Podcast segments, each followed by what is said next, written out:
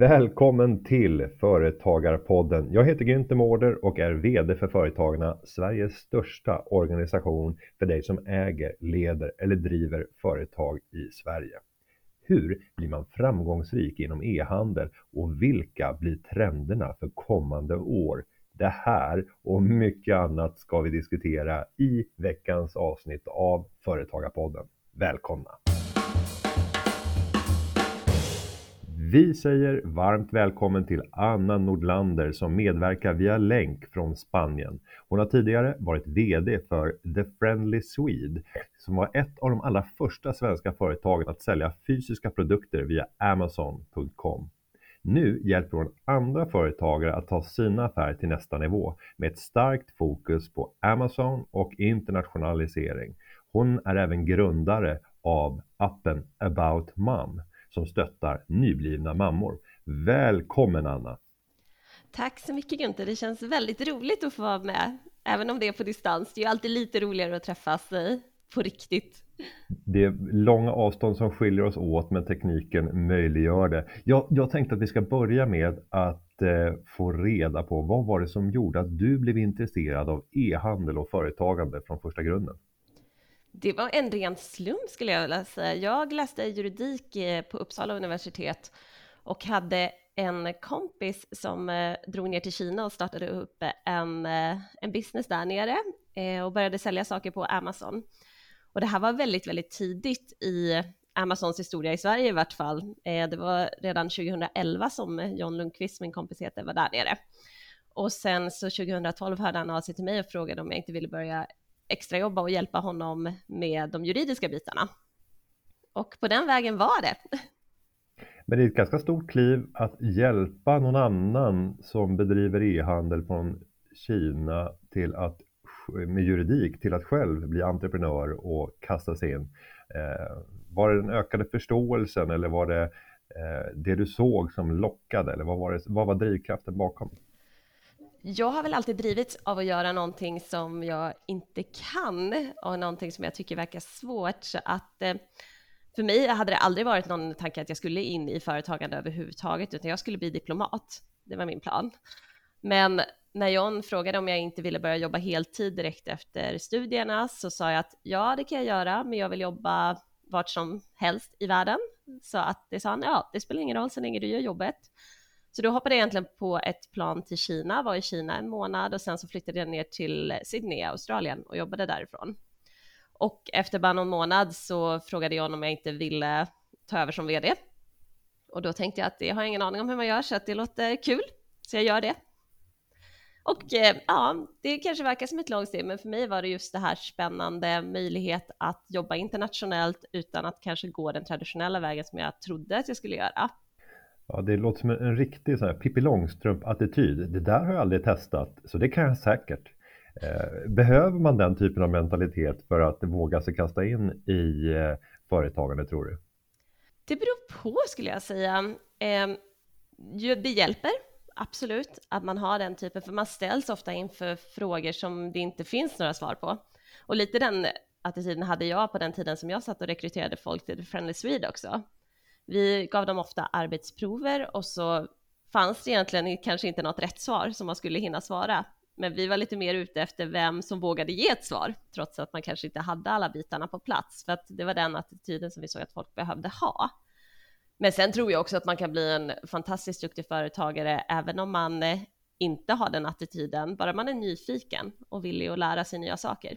Men om vi tar det här med e-handel så möter jag många företagare i den traditionella handeln som tycker att det är rätt så svårt att ta steget och faktiskt börja erbjuda eh, sina varor eh, i en digital kontext. Vad tror du att eh, det här beror på? Varför tycker många att det är så komplicerat? För många är det ju ett helt nytt sätt att jobba på om man är van att ha produkter och kunder direkt i en butik till exempel. Det jag tror man ska ha med sig är att om man redan har en affär igång, då ligger man ju väldigt långt före de som startar en e-handel idag. Man kan oftast, alltså, man kan sourca sina produkter, man förstår tänk kring marginaler. Jag skulle säga att det är mycket svårare kanske att driva en fysisk handel än att bara göra det online. Men jag förstår också att man ser det som en stor utmaning och det är mycket med logistiken. Men där tror jag att man kan ta med sig att det finns så många duktiga partners idag, alltså tredjepartslogistik till exempel, som kan, de hjälper en med just de här delarna som pick and pack och få iväg grejerna till slutkunden. Så att så länge man är duktig på att hitta rätt produkter att sälja, då tror jag inte man ska överdriva hur svårt det är att ta det konceptet online. Och, och, för en fysisk handlare så handlar ju handel just väldigt mycket om att man ser de här fysiska varorna som kommer in i den fysiska butiken för att sedan vidareförsäljas ut mot slutkunden. Men om vi ska förstå den renodlade e-handlaren kan man bedriva en e-handel utan att någonsin ha sett de produkter man handlar med? Ja, där är väl eh, jag på sätt och vis ett eh, levande exempel på att det faktiskt går att göra. Vi hade, eh, när jag satt på The Sweden, då hade vi i princip hela vår tillverkning i Kina. Och då hade vi en samarbetspartner på plats i Kina som hjälpte oss egentligen med att kvalitetskontrollera produkterna från de leverantörer vi hade, såg till att allt packades som det skulle och sen så skickades produkterna direkt till Amazons lager i de olika länderna där vi var aktiva, eh, först och främst i USA. Och eh, de nuddade alltså aldrig svensk mark, de produkterna. Eh, men för vår del så var det just att vi hade den här eh, partnern i Kina som vi verkligen litade på och visste att de hade koll på liksom den kvalitet som vi behövde upprätthålla. Och det var en väldigt stor hjälp. Men det är fullt möjligt och det är väldigt många som gör det också. Att man helt enkelt, man har ja, produktionen i ett annat land och sen så skeppar man direkt till ett lager eller direkt till slutkund eh, utan att se produkten. Men det gäller att man verkligen har kontrollerat kvaliteten både en och tre gånger. Och om vi nu ser tillbaka på de senaste två åren så har de kantats av pandemin runt om i hela världen, vilket har inneburit att e-handeln har fått ett rejält uppsving. Jag såg på statistik för svenska marknaden där just nu 14-15 procent av den totala handeln utgörs av e-handel. I Storbritannien så är motsvarande siffra över 24 procent och vi har haft tre gånger snabbare tillväxt rent generellt när det gäller e-handeln. Hur skulle du beskriva den här situationen vi har befunnit oss i och hur pandemin har påverkat e-handeln? Situationen har ju varit extrem på många sätt eh, och den har definitivt snabbat på en utveckling som vi kanske ändå såg komma. Så jag tror inte det här faktum att e-handeln växer är någonting som enbart har mm, liksom påverkats av pandemin. Däremot så har det snabbat upp skeendet väldigt mycket. Och det har ju såklart eh, inneburit extrema utmaningar för den traditionella fysiska handeln i och med alla restriktionerna och liknande. Och där har man väl också sett att de som redan har varit igång eh, online har ju såklart haft en jättestor fördel av det här. Men även de som kanske inte har haft det, jag tycker man ser också att väldigt många fler tar steget för att nu har man faktiskt inget val. Och även om det är väldigt, väldigt tufft så tror jag att om några år så har man nog kanske ändå en fördel av att man ändå har börjat tvingats ta de här stegen om man inte själv hade gjort det ändå. Och den här perioden som har, har passerat med pandemi har ju också inneburit väldigt stora satsningar från stora e-handelsaktörer, däribland Amazon som har tagit ytterligare ett stort kliv in i Sverige på allvar. Och du har ju varit tidigt ute och sälja via Amazon. Vilka är fördelarna och ser du några nackdelar med att använda sig av en sån här plattformsaktör jämfört med att bygga upp en egen eh, kanal ut mot slutkonsumenten?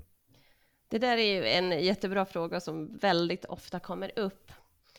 Det jag ser som den största fördelen kanske med Amazon är att man har ett färdigt koncept på plats. Du behöver inte bygga din egen webbshop, du behöver inte sätta upp din egen logistiklösning, utan du kan egentligen vara duktig på att plocka fram rätt produkter och marknadsföra de här produkterna. Så har du möjlighet att låta Amazon lösa resten och det är väl en jättestor fördel. Och just det här att du behöver inte, jag menar, säg att du har tre produkter i ditt sortiment, du är ganska nystartad, då ser det väldigt lätt tomt ut om du försöker sätta upp en webbshop med bara tre produkter. Medan på Amazon så har du ja, både för och nackdelen av att vara på en marknadsplats där dina produkter visas i samband med andra produkter. Så att det är mycket lättare att testa smått också på den typen av plattform. Den största nackdelen är väl egentligen att eh, du spelar på någon annans hemmaplan och eh, det är ju Amazons kund mer än vad det är din kund. Eh, sen så tycker jag också att man, jag menar även som e-handlare om du har en egen webbshop idag så är det ju svårt att inte vara beroende av någon av de stora aktörerna. Eh, jag tror nästan inte känner till någon e-handlare som inte jobbar med Google eh, SEO eller Google annonsering eller Facebook eller framåt Instagram, TikTok är ju också på uppgång. Så att jag tror att man har svårt att komma ifrån det här beroendet av de större aktörerna, utan man får nog snarare se att man nyttjar de bästa delarna med det. Jag vet inte om jämförelsen haltar lite, men om man tänker Amazon som en eh, dagligvarukedja, om vi tänker inom, inom matbranschen. Låt oss säga att man är entreprenör och har tagit fram en ny frukostflinga. Eh, det är ju inte speciellt lätt att starta en fysisk butik för att sälja de här frukostflingorna. Eh, man skulle kunna tänka sig att skapa en digital kanal för att sälja dem, men det är rätt få som går till en specifik plats för att köpa frukostflingor. Eh, så det faller sig ganska naturligt att man måste gå till någon som äger slutkunden och har de här kunderna i massor.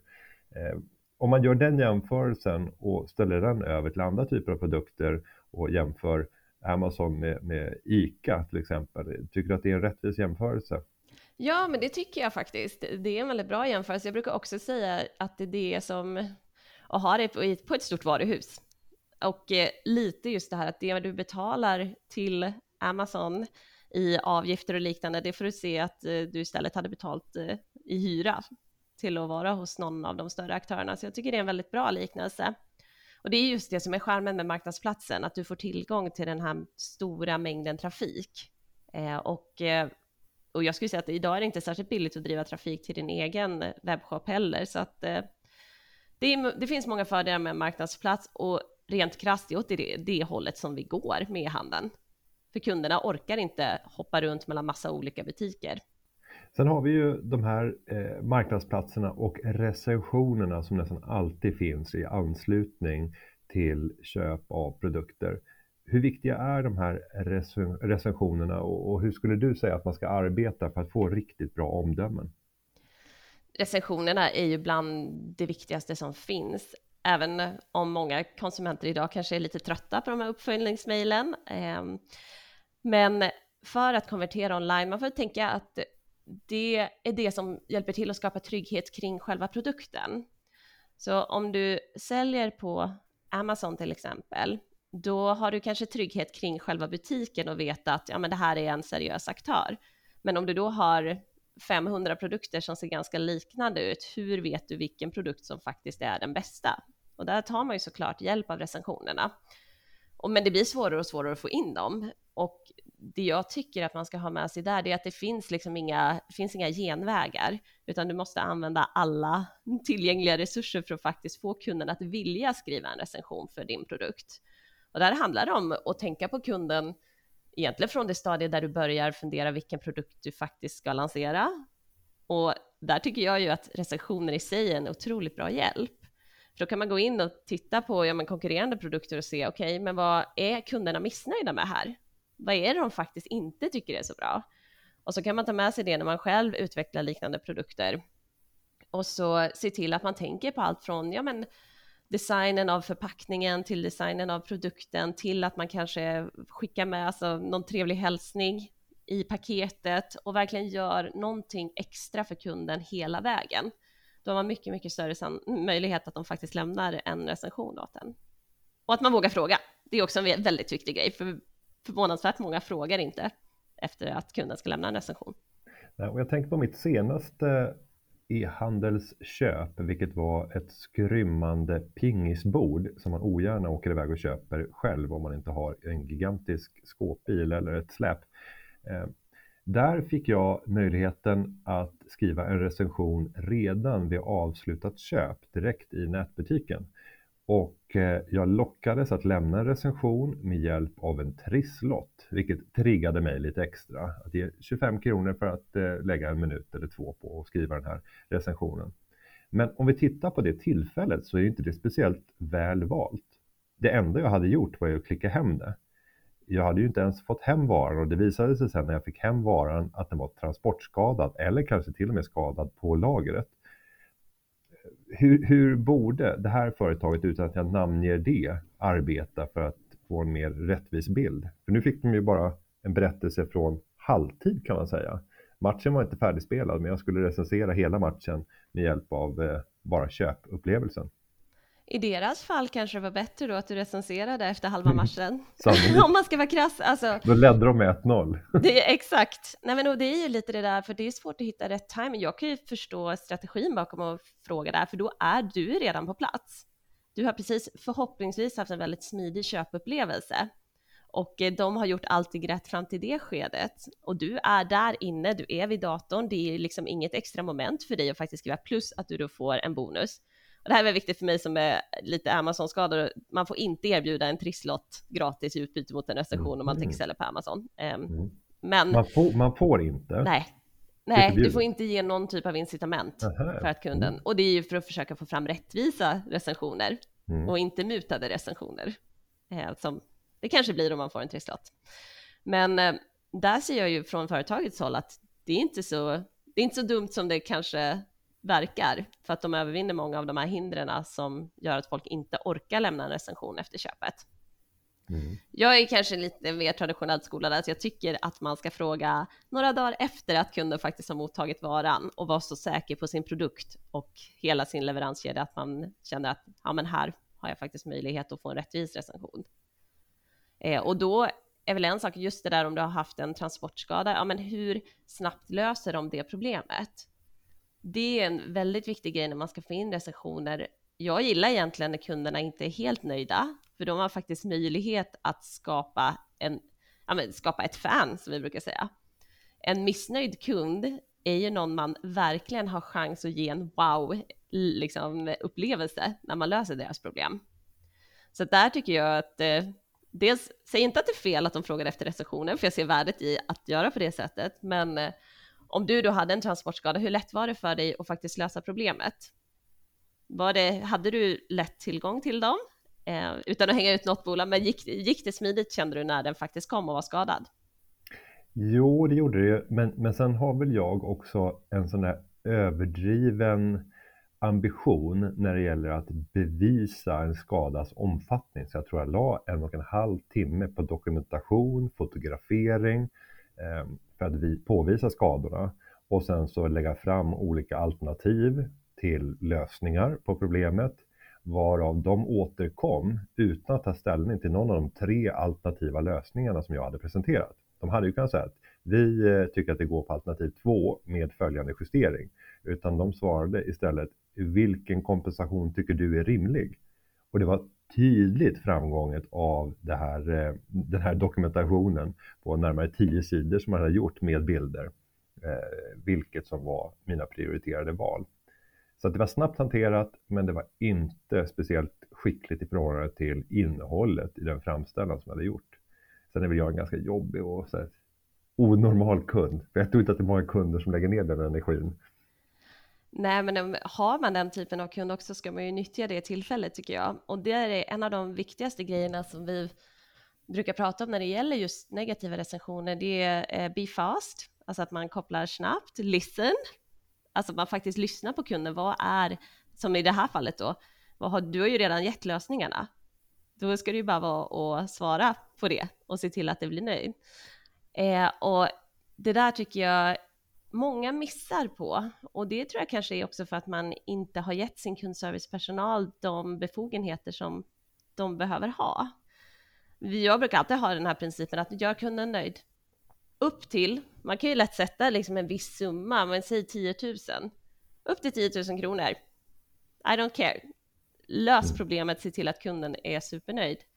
Men där är just det här att man måste lyssna in, för ibland så vill man inte ens ha kompensation. Ibland vill kunderna bara att någon hör en, att vi säger oj, jag är så hemskt ledsen för det här. Jag tar med mig det här till liksom, vår produktutvecklingsenhet till exempel. Och sen att man återkopplar igen också när man faktiskt har löst problemet. Som i ditt fall också, det är ju verkligen så här, okej, okay, men vi hör dig. Vi tycker att det här alternativet är bäst, vi löser det på en gång. I tillägg till det så kommer vi också prata med det här transportbolaget och vi kommer se över, kan vi ändra förpackningen på något sätt så att inte det här ska behöva upprepas? Och tacka dig så mycket för att du faktiskt har hjälpt till, för då har man ju möjlighet att få dig att känna att ja, men ni lyssnar ju, ni tar till er det här, ni tänker göra någonting bättre för nästa kund. Det är ganska svårt att lämna en grinig recension då. Mm. Ja, det, är, det är ett bra förslag på hantering. Ja, från recensioner över till att kunna sticka ut i konkurrensen. Skulle du säga att det finns några genvägar för att faktiskt kunna få sina produkter att sticka ut och nå de här potentiella konsumenterna bättre än konkurrenternas? Det finns egentligen inga genvägar idag skulle jag säga, utan man behöver jobba hårt på alla fronter. Det jag tror är viktigast är att faktiskt nyttja sina kunder och deras input i hur de tycker att nästa produkt ska se ut. Det är ju faktiskt de som ska köpa de här produkterna. Och eh, väldigt många är, om de gillar ditt varumärke så är de förvånansvärt hjälpsamma med att försöka hitta nästa grej. Och där tror jag också att det här med att synas på rätt ställen. För det är ganska lätt att man tänker att eh, nej men jag har ganska stor följarskara på Instagram, det är klart jag ska sälja mina grejer via Instagram på något sätt. Och så kanske är fallet idag. Men om ett halvår kanske dina kunder helst egentligen handlar via TikTok. Eller de handlar helst på en plattform som Amazon. Och då gäller det att man är där också. Eh, så jag tror att man ska följa kunden, både i vad de letar efter, vad de vill ha, men också vart de vill handla. Det är skitsamma egentligen vart du som företag vill sälja dina grejer. Är inte kunden där så då ja, får du ingen försäljning ändå. Och om vi då blickar ut för 2022 och kanske 2023, vad tror du kommer att bli de stora trenderna och, och vilka vinnare kan man se nu framåt? Vi kommer definitivt se en fortsatt ökning för marknadsplatserna, eh, framförallt kanske här i Sverige också där vi hittills har varit eh, vi har varit relativt långsamma med den utvecklingen eh, om man eh, jämför med de globala trenderna. Så en stark tilltro till marknadsplatserna har jag. Jag tror att eh, tyvärr vi kommer se fortsatt eh, logistikkaos globalt.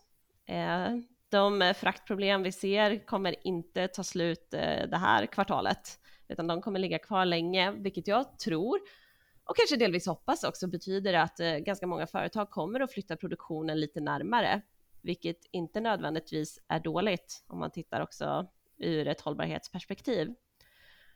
Och just det där med hållbarhet tror jag att vi kommer, det kommer bli en överlevnadsfråga också, att man kommer fokusera ännu hårdare på hållbarhet. Vi har ju pratat om det länge nu, men det är inte, jag tror inte det är någon övergående trend, utan snarare tvärtom, att det kommer bli en hygienfaktor. Och sen så är jag övertygad om att vi kommer se betydligt fler eh, konsolideringar och uppköp inom e-handelsbranschen också. För det blir tuffare och tuffare ju mer konkurrens man har och eh, den här tiden när man lite kan leva på konstgjord andning via att man får en massa riskkapital som skjuts till hela tiden och man har för dåliga marginaler, det tror jag att eh, det, det blir tuffare. Och jag tänker att vi kan gå in på just eh, riskkapital för att eh, många av eh, aktörerna inom e-handel har ju fått eh, rätt mycket riskkapital för att kunna vara oerhört offensiva. Om man pratar om att man ska ta den där unika positionen som en av de stora aktörerna på marknaden för att sen kunna vara den som är med och konsoliderar, det vill säga köper upp andra bolag. Hur ser du på den här typen av, av strategi? Att år efter år gå med ganska kraftiga förluster för att kunna få den där unika positionen som man hoppas nå eh, för att sen därefter kunna skörda frukterna i form av att man har en helt unik, närmast oligopolliknande ställning kanske. Är det en bra strategi? För vissa fungerar det säkert bra. Jag är tyvärr lite, jag är lite traditionellt lagt, alltså jag gillar att sälja och bygga organiskt. Ehm, så att jag kanske är lite eh, färgad i den här frågan. Men eh, uppenbarligen så går det ju för en hel del företag att ta den positionen. Jag tror dock att det kommer bli tuffare i och med hur vi ser utvecklingen och tittar på inflationen, vi tittar på alltså lågkonjunkturer som eh, kanske kommer komma och eh, man har väl levt lite i en bubbla där det har funnits väldigt, väldigt mycket pengar att tillgå också. Så att jag, det, det har varit en strategi som har fungerat för många. Jag själv är väl kanske lite sådär eh, ehm, försiktig med den typen av strategi. Men sen har vi också, om vi tittar på Amazon där jag hänger med, vi har ju massvis med Amazon aggregators idag, som är ett koncept som inte fanns bara för typ två år sedan. Alltså det har exploderat där man skjuter in hur mycket riskkapital som helst, just med målet att bli den som är störst, den som har köpt flest märken och den som slår ut alla andra och det säger sig självt att alla de här bolagen som håller på med det här, de kommer inte bli störst. Så det är en ganska riskfylld strategi. Men eh, ja, friskt vågat hälften vunnet kanske, eller 10 procent vunnet. Jag vet inte. Och, och, jag vet ju att du personligen brinner mycket för att få fler kvinnor att bli entreprenörer. Och när vi är inne och pratar riskkapital så ser vi att det är en väldigt skev fördelning mellan kvinnor och män som entreprenörer. Eh, vad ska vi göra för att eh, kvinnor ska kunna få en större access till riskkapital framåt? Jag tror att det dels handlar om att man faktiskt sätter upp mål för det. De aktörer som, ja men, om vi kollar på de stora VC-bolagen, att man har mål för att faktiskt se till att även bolag som är grundade av kvinnor får tillgång till samma typ av kapital. Sen den här klassiska, vi behöver se fler kvinnor på andra sidan bordet också, som, så att man har representationen. Och det här gäller ju såklart inte bara kvinnliga företagare, utan alla grupper som är i minoritet när det gäller de här frågorna. En annan grej som jag är väldigt eh, såld på själv är just mentorskap också. För att jag tror att många, och jag själv är också lagd åt det hållet, att eh, jag, gillar att, jag gillar att sälja först och bygga organiskt. Och det har väl att göra kanske med att man är lite riskaversiv. Att jag tar inte heller supermycket risk själv. Och där tror jag att om man skulle kunna få in lite tydligare mentorskap från de som faktiskt har gjort de här resorna med att resa kapital, med att visa värdet på att göra sådana resor. Det tror jag att man skulle kunna vinna mycket på, att man har någon som finns där, hjälper en att se fördelarna med det och hjälper en också navigera det här systemet. För har du inte vuxit upp i det här systemet, då är det, tror jag, ganska svårt att ta sig in och svårt att tänka sig att man ska ta sig in. Ja, det är ingen enkel logik om man inte befinner sig i en värld där man träffar massa andra entreprenörer som har tagit in kapital eh, och lära sig hur man överhuvudtaget ska föra sig i den världen för att kunna bli aktuell. Men om vi då går till en av dina företagsuppstarter så var det ju About Mom. Eh, vill du berätta om den idén och vad var det för problem som ni ville lösa via den här appen? Ja, det här är ju lite utav, jag brukar kalla det mitt passion project. Så det här är en idé som vi har, som jag har jobbat med på sidan av ett bra tag nu och som egentligen föddes när jag fick mitt första barn eh, för fem år sedan. Och då jag upplevde att eh, efter förlossningen så blev man väldigt övergiven som nybliven mamma. Eh, jag brukar jämföra med när jag, jag är gammal fotbollsspelare så jag har opererat knät fem gånger. Varje gång jag vaknade upp typ efter narkosen så stod det en sjukgymnast på rummet och som sen följde mig i sex månader för att se till att jag ja, men, kom tillbaka. Eh, Medan när man har fött barn, då skickas man hem efter en dag med typ en liten folder om att ja, men gör lite av de här övningarna och så ses vi om sex till åtta veckor för en check och sen så lycka till. Och jag tyckte det var lite bisarrt nästan, för att eh, jag kom i kontakt med ganska många som hade eller med långvariga förlossningsskador och när jag började rota i det här så såg jag att nej men, det här är ju det här är ju bara konstigt. Hur, varför ser det ut så här? För ju fler man pratar med, desto mer märker man antingen har man drabbats av några fysiska men efter förlossningen eller så har man drabbats av psykiska men. Och det som alla egentligen vittnade om var att eh, man visste inte vilken hjälp som vad, eller vad som var normalt och vilken hjälp man kunde få. Så att där, redan där började den här tanken föda, eh, liksom födas också. och sen när jag fick eh, vårt andra barn som föddes via kejsarsnitt 2019 och märkte att men fan, det ser ju likadant ut, nästan ännu värre. Och eh, då tog jag väl, började ta tag i det här och se, okej, okay, men vad kan vi göra? Och det var så idén om About Mom föddes. Och om vi tittar på hur det har utvecklats, vad kan du berätta? Det är ganska roligt för det är en väldigt eh, klassisk startup-resa på många sätt. Så att vi drog igång jobbet med det här ordentligt för men, ganska, eh, ganska exakt ett år sedan. Eh, körde, körde på sidan av. Eh, jag hittade en medgrundare, Hanna, eh, som är designer. Och då satte vi igång egentligen med att försöka få ner på papper de här idéerna, testa det mot kunderna. Och sen i dagsläget så har vi i princip den första MVPn färdig nu med hjälp av ett gäng utvecklare som vi till slut hittade på Fiverr eh, av alla ställen. Men och samtidigt nu i slutet av november så bestämde vi oss för att vi ska skruva på det här ordentligt eh, efter att ha fått ganska mycket feedback från de mammor vi pratar med och sitter just nu med ett helt annat eh, varumärke som är en spin-off av det här jobbet som vi har börjat med med About Mom eh, som vi förhoppningsvis kommer kunna lansera om inte allt för lång tid.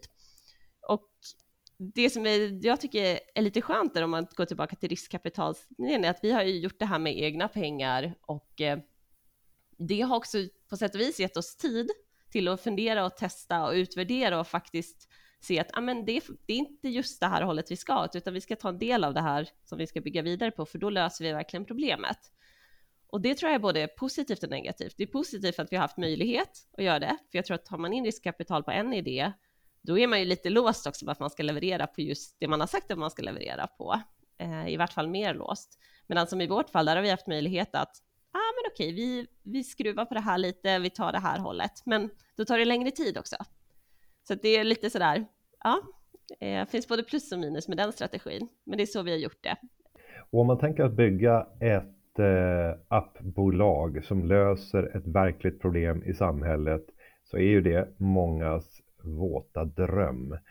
Men om vi ska titta på själva affärsmodellen, om vi tittar på About Mom, hur tänker ni kring affärsmodellen? Vem är det som betalar? Hur ser finansieringsmodellen ut för, för de här lösningarna? Hur ska ni skapa intäkterna? Mm. Och det är en av anledningarna till att vi har skruvat ganska mycket på det här. För att det är lätt i början att man tänker, ja men det är ett sånt stort problem, vi ska lösa det här. Och sen när man, just när det gäller appar tror jag är extremt så mycket, så kommer man ner, man bara, nej men det, det löser sig på något sätt, eh, bara vi löser problemet tillräckligt bra. Men här, i det här fallet så har vi väl sett att okej, vi vill ju fortfarande, det är ju mammorna som vi har fokus på, eller de födande kvinnorna, så vi vill ju att de ska ha tillgång till det här eh, gratis, helst såklart.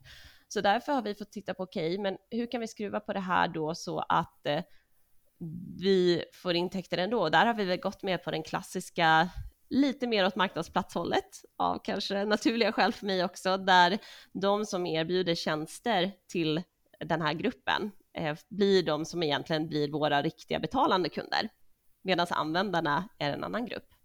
Och det där är ju sannolikt den viktigaste frågan någonstans om man vill bygga ett bärkraftigt företag, att börja i modellen för vems problem är det vi löser? Vem är det som ska betala för den här problemlösningen? Och pratar vi just ja, i det här fallet då sjukvården, rehabilitering, att undvika att kostnader ska uppstå i ett senare skede, vilket kommer belasta det offentliga. Eh, ja, att tydligt kunna redovisa var, var är det kostnaderna idag finns? Är det uppenbart att kostnaderna finns? Och på vilket sätt kan den här nya tekniken hjälpa att minska de kostnaderna? Där i ligger väl ledtråden kring vad man, vad man kan ta betalt och vem som ska betala det.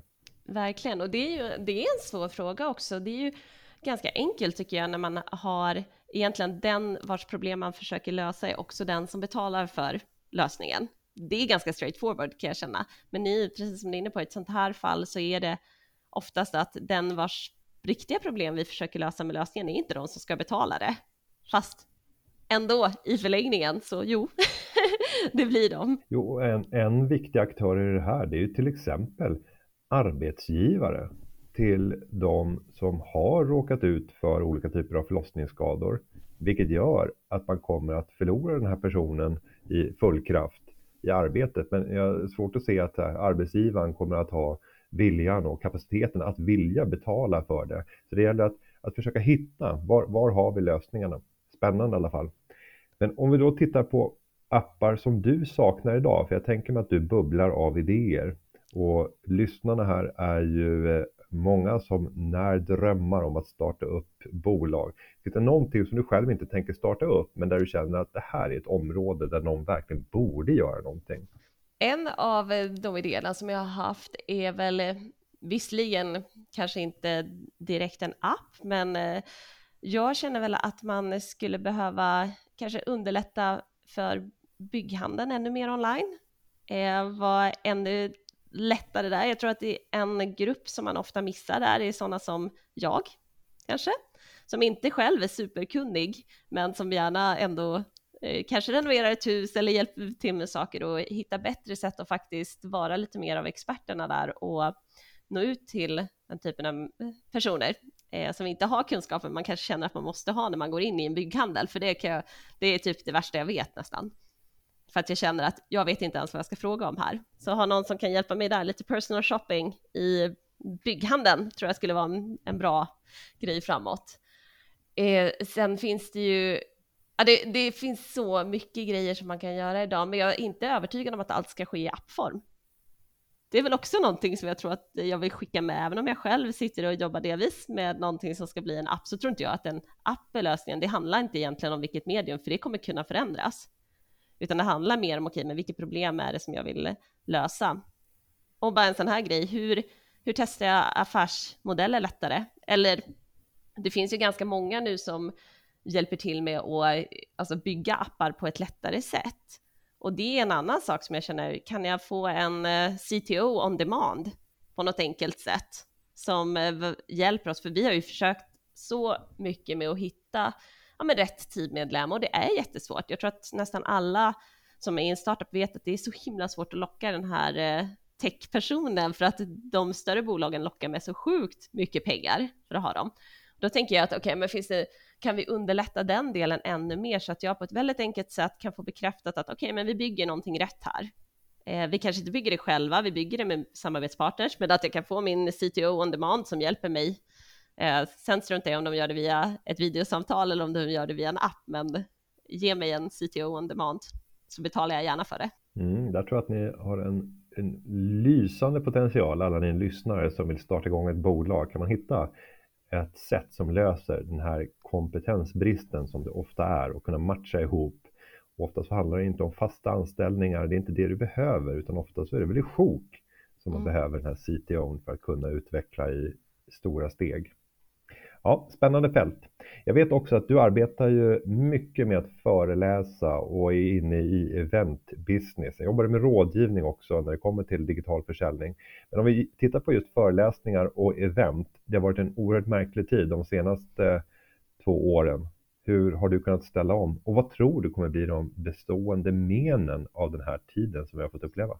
Det har ju funnits egentligen en del fördelar med det också. Jag menar, jag i vanliga fall så är jag baserad uppe i Härnösand och det betyder ju alltid ganska mycket resor om man ska iväg och föreläsa, för det är mycket som sker söderut. Och på så sätt har väl vardagslivet kanske underlättat lite av att man har kunnat göra saker via Zoom eller något annat eh, av de här digitala alternativen.